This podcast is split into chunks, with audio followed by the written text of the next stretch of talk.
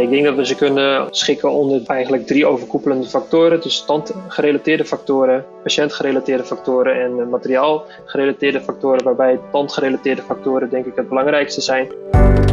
Je luistert naar NTVT Dentalk, de podcast van het Nederlands tijdschrift voor tandheelkunde. We gaan hier in gesprek met belangrijke experts, interessante onderzoekers en boeiende ervaringsdeskundigen. En misschien wel met jou. Presentaties in handen van tandarts en adjunct hoofdredacteur Maurits de Kuiper. We kennen deze spreuk allemaal en het lijkt wat ouderwets, maar toch is het een dagelijks dilemma als we het gaan hebben over knobbeloverkapping. We kennen allemaal wel de twijfel bij dat grote MOD-defect met dunne wandjes, waarbij we voor de keuze staan om de knobbels al dan niet te overkappen. Waar we dan toch een beetje bang voor zijn, is dat wanneer wij het niet doen, er mogelijk op lange termijn een fatale fractuur optreedt. En wellicht hadden we die kunnen voorkomen op het moment dat we toch wat invasiever te werk waren gegaan. Moet je dan toch maar overkappen? En maakt het dan ook nog uit of je een gebitselement herstelt met direct composiet of met een indirecte restauratie? In deze Dentalk podcast zal ik hierover in gesprek gaan met Jelte Hofstegen.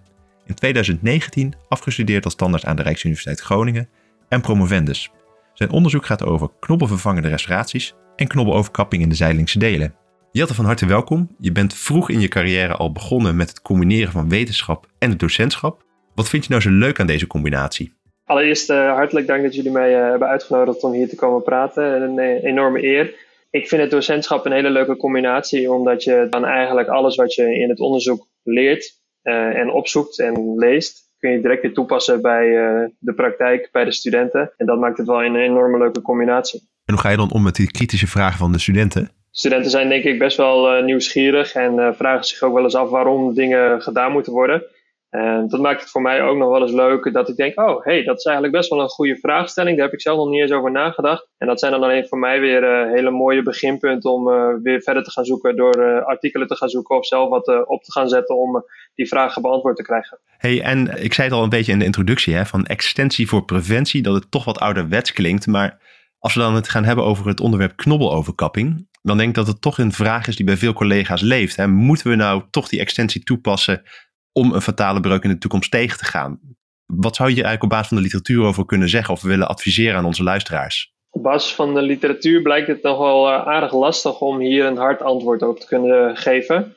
Het aantal in vivo, dus uh, studies die bij uh, echte patiënten zijn gedaan, is gewoon erg beperkt. En er zijn ook niet zo heel veel goede artikelen met lange termijn die hier echt veel over kunnen zeggen. En welke artikelen denk je dan aan als het gaat om die, die kleine selectie van artikelen die het wel in vivo heeft bekeken of waar we misschien iets van kunnen leren? Een van onze collega's uit de Nijmeegse Universiteit, het Radboud, Nico Opdam, heeft hier al best wel wat onderzoeken naar gedaan. Hij focust zich voornamelijk op uh, composietrestauraties en heeft ook een onderzoek uh, laten lopen naar de invloed van uh, knobbeloverkapping bij cracked tooth syndrome molaren, dus kiezen die pijnlijk zijn door breuken. Dat is een studie die zeven jaar heeft gelopen en waarbij het uiteindelijk wel uit is gekomen dat een knobbeloverkapping heeft wel een gunstig effect op de overleving. ze zagen bij elementen die met de knobbel waren overkapt, zagen ze geen breuken meer. In totaal zijn er toen 41 eh, restauraties eh, gelegd. En de helft eh, met knobbeloverkapping en de helft zonder. en bij degene zonder knobbeloverkapping hadden een aantal een endodontische behandeling nodig. en waren er ook een aantal fracturen. Dus uit de statistiek kwam toen wel duidelijk een verschil in de overleving. Dus daar zou je zeker voor een knobbeloverkapping kunnen kiezen. Ja, dus daar, daar is extensie voor preventie dus wel, wel zinvol.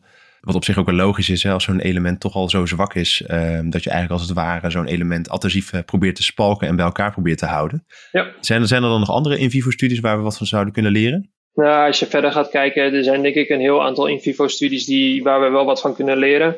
Uh, maar heel specifiek over de, het effect van knobbeloverkapping zijn ze er vrij weinig. Er is bijvoorbeeld ook nog wel een studie uh, gedaan naar de invloed van uh, het type restauratie op een endodontisch behandelde kies. Eh, en dan zie je vaak wel een verschil in het aantal fracturen en het type fracturen wat uh, er komt. Dus als je dan gaat vergelijken tussen een directe composietrestauratie en een volledige kroon, dan uh, zagen zij in die studie uh, bij de directe composietrestauraties veel al reparabele breuken. Dus breuken die nee, boven het bot eigenlijk zaten en die je kan repareren. Mm En als je kies had ge restaureert met een eh, volledige kroon, dan was eh, de breuk die dan optreedt eh, eigenlijk volledig ja, niet reparabel. Dus dan is het element verloren. En dat is denk ik ook wel het grote voordeel van als je met knobbeloverkapping gaat werken, dan werk je natuurlijk ja, partieel, of het nou direct is of indirect. Maar als er iets kapot gaat en het blijft reparabel, ja, dan kun je de levensspannen van de kies nog wel weer verlengen. Interessant dat je dus uh, zag in die studie dat er wat vaker reparabele breuken optraden bij direct composiet. Want hè, die angst die ik eerder beschreef uh, in, in de inleiding, is die dan wel zo reëel? Ja, die, of die angst heel erg reëel is, is ook lastig te zeggen. Nu is er op zich wel een leuk onderzoek naar gedaan in 2002. Dat is natuurlijk al best wel een lange tijd terug. Uh, maar het was onderdeel van een promotieonderzoek van Willem Vennis en Ruud Kuijs over uh, nou ja, knobbelvervangende restauraties. Mm Ze hebben toen een, uh, eigenlijk een soort van vragenlijst uitgezegd, of een soort van ja, enquête eigenlijk, om te kijken hoeveel fracturen we nou eigenlijk tegenkwamen. Uh, waarbij ze ook hebben gezegd van ja, waar zit dan die breuk en wat zijn nou de elementen die daar vaak verantwoordelijk voor zijn. En dan zag je bij, voornamelijk bij vitale elementen dat ongeveer 90% supragingivaal afbrak. Dus dat zijn elementen die gewoon nog prima restaureerbaar zijn. Als je daarna gaat kijken, dan klinkt het eigenlijk alsof we ons nou ja, zorgen maken om iets wat niet heel erg groot probleem is. Uh, het lastige is dan wel weer dat het grootste deel van de kiezen die in dat onderzoek zijn opgenomen, dus waar breuken waren opgetreden, waren uh, restauraties met gaan. En uh, wat precies de breuken gaan zijn bij een composietrestauratie is nog niet heel erg uh, duidelijk geworden daaruit. Dus eigenlijk op basis van de huidige literatuur is het een beetje lastig om daar hele concrete handvatten uh, uit te halen. Maar nu ben je zelf natuurlijk ook nog bezig met wat, wat onderzoek. Hoe ga je ons hierin helpen met dit vraagstuk? Kun je daar eens wat over vertellen? Ja, binnen mijn onderzoek hebben we best wel wat trajecten lopen en kun je eigenlijk veel factoren eigenlijk gaan uh, onderzoeken in bijvoorbeeld uh, laboratoriumonderzoeken. Uh, daarbij werken we met getrokken tanden en kiezen, waarbij we een aantal ja, een soort van preparaties uitwerken, materialen, hechttechnieken kunnen gaan uitzoeken en kunnen gaan kijken wat heeft nou invloed op de fractuursterkte. Mm -hmm. is een mooie manier om eigenlijk in de, in de basis met relatief weinig middelen goed onderzoek te kunnen doen en wel te kunnen iets kunnen zeggen over hoe sterk die tanden en kiezen dan zullen zijn. Ja, dus met name dat tandrestauratiecomplex. Of je, uh, als je dat buiten de mond test, is het dan bestand tegen de koukrachten die er misschien op komen. Exact. Hey, en je, je had het over factoren, want welke factoren neem je dan mee in die studies? Nou, een aantal factoren die we tot nu toe al mee hebben genomen zijn bijvoorbeeld materialen. Uh, we werken dan vaak met direct composiet en als wij indirect werken, dan pakken we vaak keramiek zoals lithium disilicaat. Mm -hmm. Dus je kan naar materialen kijken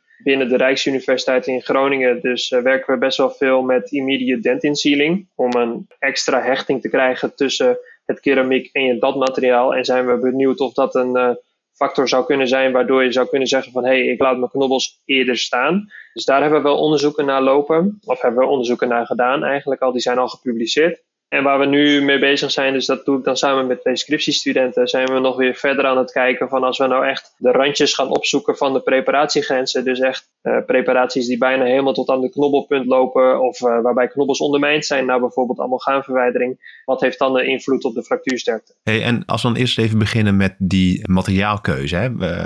wat zag je dan terug in je, in je eigen onderzoek van de invloed van materiaalkeuze op knobbeloverkapping? Ja, als we dan kijken, ik heb een studie gepubliceerd in Operative Dentistry, waarbij we keken naar verschillende materialen, verschillende preparatiedieptes en verschillende preparatiedesigns op premolaren. Daar kwam eigenlijk uit dat het niet heel veel uitmaakt wat voor materiaal je gebruikt um, en dat daar geen significant verschil is.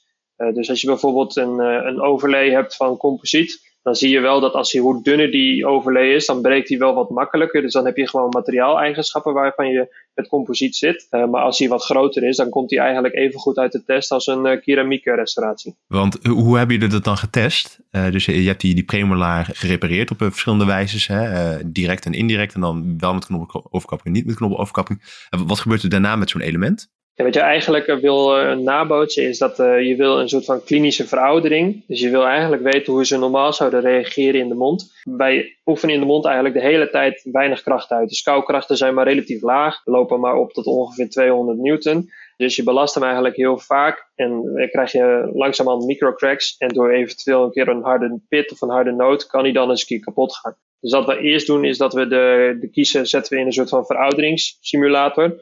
Uh, waarbij we met een relatief lage kracht oefenen we meer dan een miljoen keer kracht erop uit. Dus dat simuleert dan ongeveer vijf jaar een functie in de mond. En wat we daarna doen is dan duwen we hem eigenlijk met een uh, steeds verder oplopende kracht, uh, duwen we hem eigenlijk kapot. Dus gaan we kijken van hey, als ze vijf jaar verouderd zijn, welke zijn dan het sterkst? Samenvattend kun je dan zeggen dat ja, of je nou kiest voor composiet zonder met knobbeloverkapping of porselein met of zonder knobbeloverkapping, dat die beide tandrestauratiecomplexen in principe sterk genoeg zouden zijn, tenminste theoretisch, om die koukracht in die mond aan te kunnen. Zeg ik dat zo goed? Ja, dat zeg je helemaal goed. Je ziet eigenlijk gewoon weinig verschil. Uh, en de krachten die we kunnen leveren bij die testen zijn ongeveer drie keer zo hoog als wat een normaal persoon aan koukracht in de mond levert. Hey, en naast de uh, materialen had je het ook over andere technieken, zoals uh, immediate dentin sealing en het effect daarvan eigenlijk op de knobbeloverkapping. wat kwam er eigenlijk uit dat onderzoek naar voren?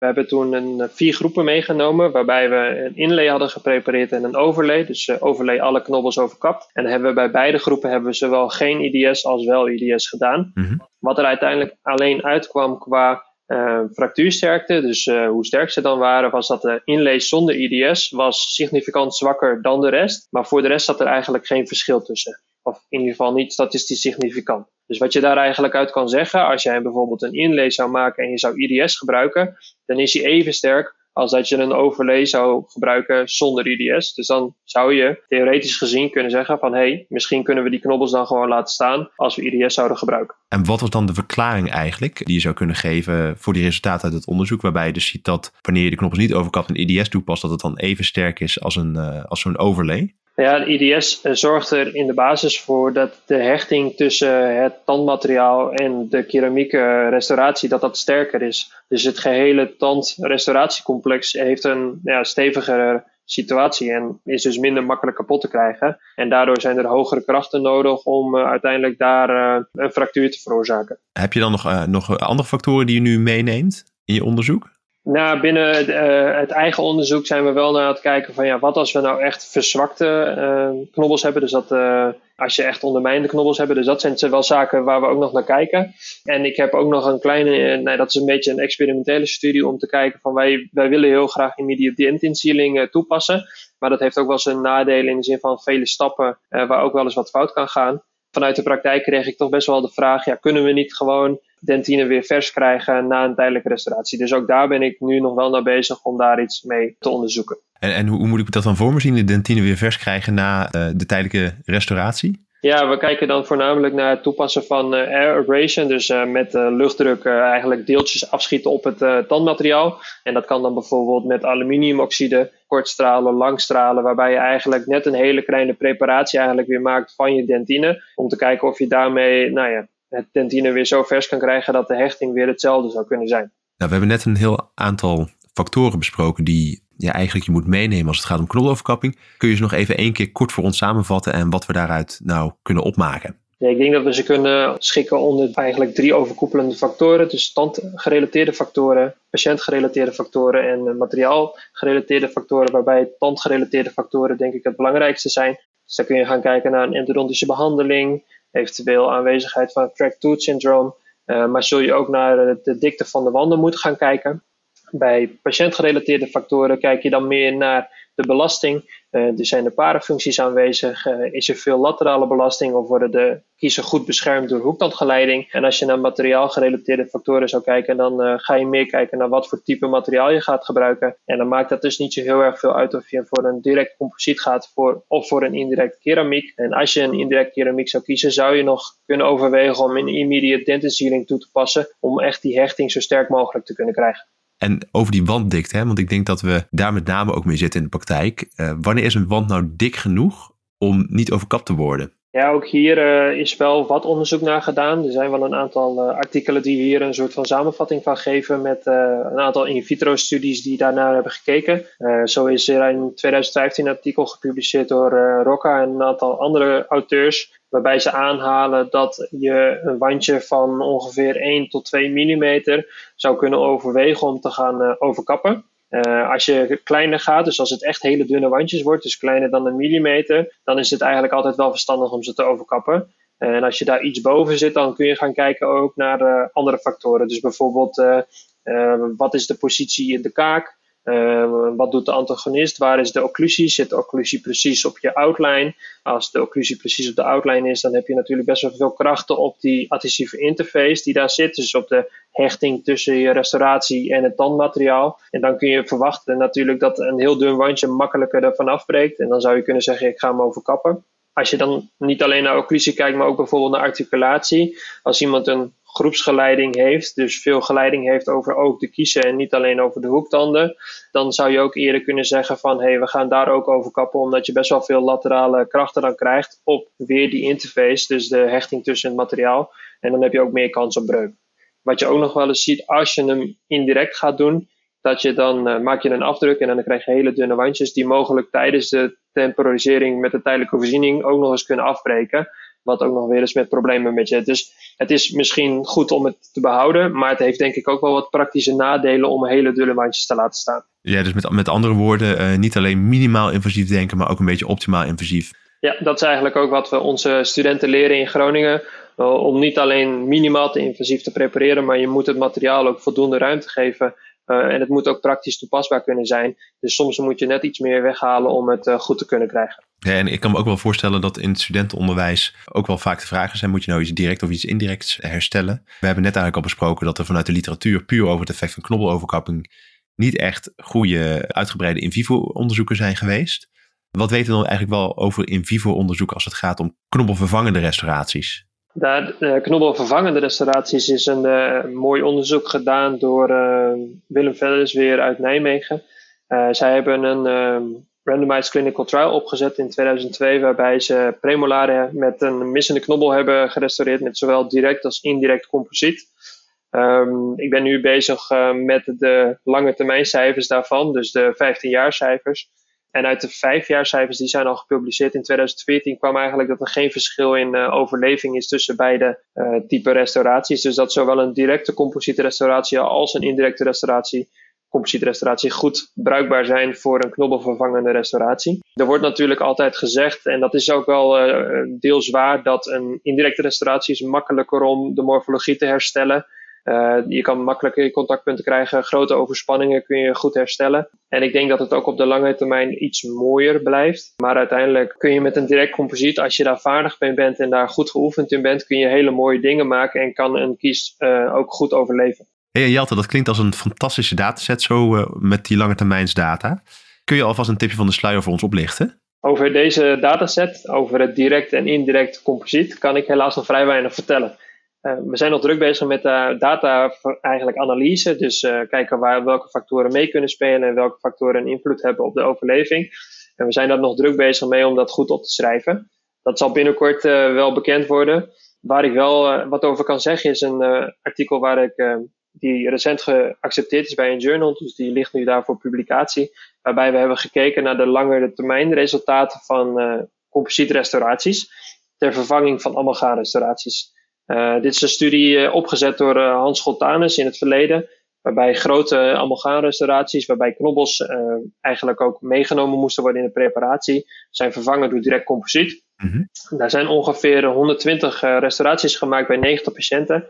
En nu na ongeveer 15 jaar kun je zeggen dat 75% van de restauraties het overleefd heeft. Dat betekent dat elk jaar ongeveer 1,7% van de restauraties faalt. Dat is niet een heel hoog uh, aantal en uh, geeft eigenlijk aan dat je met direct composiet best goed grote restauraties kunt maken in uh, molaren waar veel weefsel al weg is. Ik denk dat dat wel vergelijkbaar is met andere percentages die we ook voor klasse 2 restauraties kennen van composiet. Hè? Zeg ik dat goed? Ja, nee, dat klopt helemaal. Er zijn best wel wat studies die daarnaar kijken en dan kun je de studies aardig met elkaar vergelijken. Dus een annual failure rate van 1,7 is geen slecht resultaat voor een composietrestauratie. Nee, dat vind, vind, ik eigenlijk ook een hele goede score.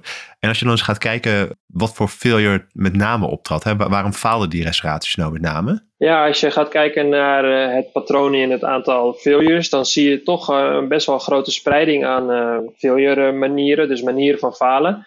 Uh, je kan dan kijken naar bijvoorbeeld uh, de eerste die veel voorkwam is een uh, wortelkanaalbehandeling. Mm -hmm. je ziet een aantal mensen met caries. en je ziet toch ook best wel vaak dat contactpunten, ja, dat die door migratie of door veranderde elementen, dat die niet zo sterk meer zijn en dat die worden vervangen. Waarbij het contactpunt weer iets sterker wordt aangebracht. Was er ook nog iets bekend over bijvoorbeeld dat er opnieuw fractuur optrad van een van de andere knobbels? Of kwam dat niet zo heel vaak voor? Nee, dat, dat zag je eigenlijk, eh, dat is maar één keer voorgekomen. Dus er is één restauratie, uh, of er zijn wel een aantal restauraties gefaald. Dus dat er een breuk was in het restauratiemateriaal. Mm. Uh, maar er is maar bij één uh, kies is er een knobbel verder afgebroken, waarbij de restauratie vervangen is. En bij hoeveel kiezen zijn de restauraties dan gebroken? Uh, dat is maar bij twee geweest. Bij uh, twee van de dertig uh, failures mm -hmm. is de restauratie maar gebroken. Dus ook daar is het restauratiemateriaal sterk genoeg om krachten te weerstaan. Als ik het dan zo een beetje samenvat, dan zijn het eigenlijk voornamelijk biologische complicaties geweest. Of meer technische complicaties, zoals het contactpunt. Ik, ik weet niet zo goed hoe ik dat anders um, zou kunnen omschrijven. Maar biologische complicaties en zo'n technische complicatie waarbij er voedselimpactie optreedt en je daarom maar iets besluit in te grijpen. Maar dat is in die zin denk ik wel heel erg hoopvol dat ook zulke soort grote restauraties toch wel een um, ja, goede kans van slagen hebben in de mond van onze patiënten. Exact. en kun je dan ook nog wat zeggen over composiet op zo'n lange termijn versus bijvoorbeeld porselein? Want dat is natuurlijk ook een dagelijks dilemma waar we dan mee zitten bij die knobbelvervangende restauraties. Ja, ik heb daar uh, geen direct onderzoek naar gedaan, maar wat je uiteindelijk best wel vaak ziet, is dat een uh, composietrestauratie, en dat heb ik wel uh, binnen het onderzoek gezien, composietrestauraties verouderen best wel wat sneller dan keramische restauraties. zijn vaak minder mooi op hoogglans te voorlijsten. ze beginnen wat deukjes te krijgen, waar een keramische restauratie vaak wat langer mooi blijft. Dus qua esthetiek zal een keramische restauratie mooier en langer beter blijven dan een uh, composietrestauratie. Maar of dat heel erg belangrijk is bij een kies achter in de mond, is natuurlijk maar de vraag. Ja, dat vraag ik me ook af. Hè? Maar als ik dan vraag, hey, stel dat het nou jouw kies was, wat zou jouw voorkeur dan zijn voor zo'n knobbelvervangende restauratie? Dat is niet zo makkelijk om daar dan eenduidig antwoord op te geven. Wat we eigenlijk in deze podcast ook al tegenkwamen, er zijn heel veel factoren die mee kunnen spelen. En ik denk dat beide materialen best wel goed werken. Uh, wat voor mij zou meespelen is wie die behandeling bij me zou uitvoeren. Als ik iemand heb die heel goed met composiet is en die dat dagelijks doet en die goed weet hoe die een mooi contactpunt maakt en eventueel een knobbeloverkapping kan maken, dan heb ik eh, prima een composietrestauratie in mijn mond.